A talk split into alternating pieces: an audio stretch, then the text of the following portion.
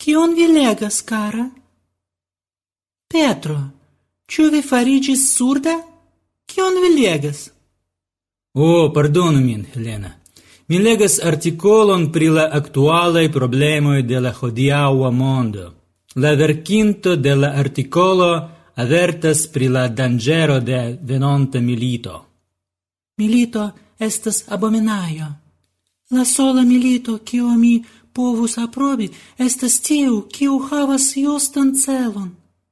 Cio socio, minzata de fremda armeo, raitas defendi sin contra ataco. Minacate, oni defendas sin.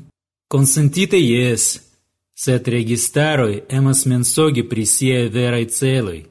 Ĉu vi fidele obeus ciun ordonon, cae ciun legion, eĉ de malbona registaro. Eble jes, pro timo, same kiel mi obeas ĉiun vian ordonon. Estas nieeble diskutin kun vi politikajn aferojn. Ĉiam vi komencas ŝerci. Tamen, ŝajnas al mi, ke ĉiam tiuj, kiuj estas plej fortaj au plej bone armitaj, venkas la malpli fortajn. Tien cio.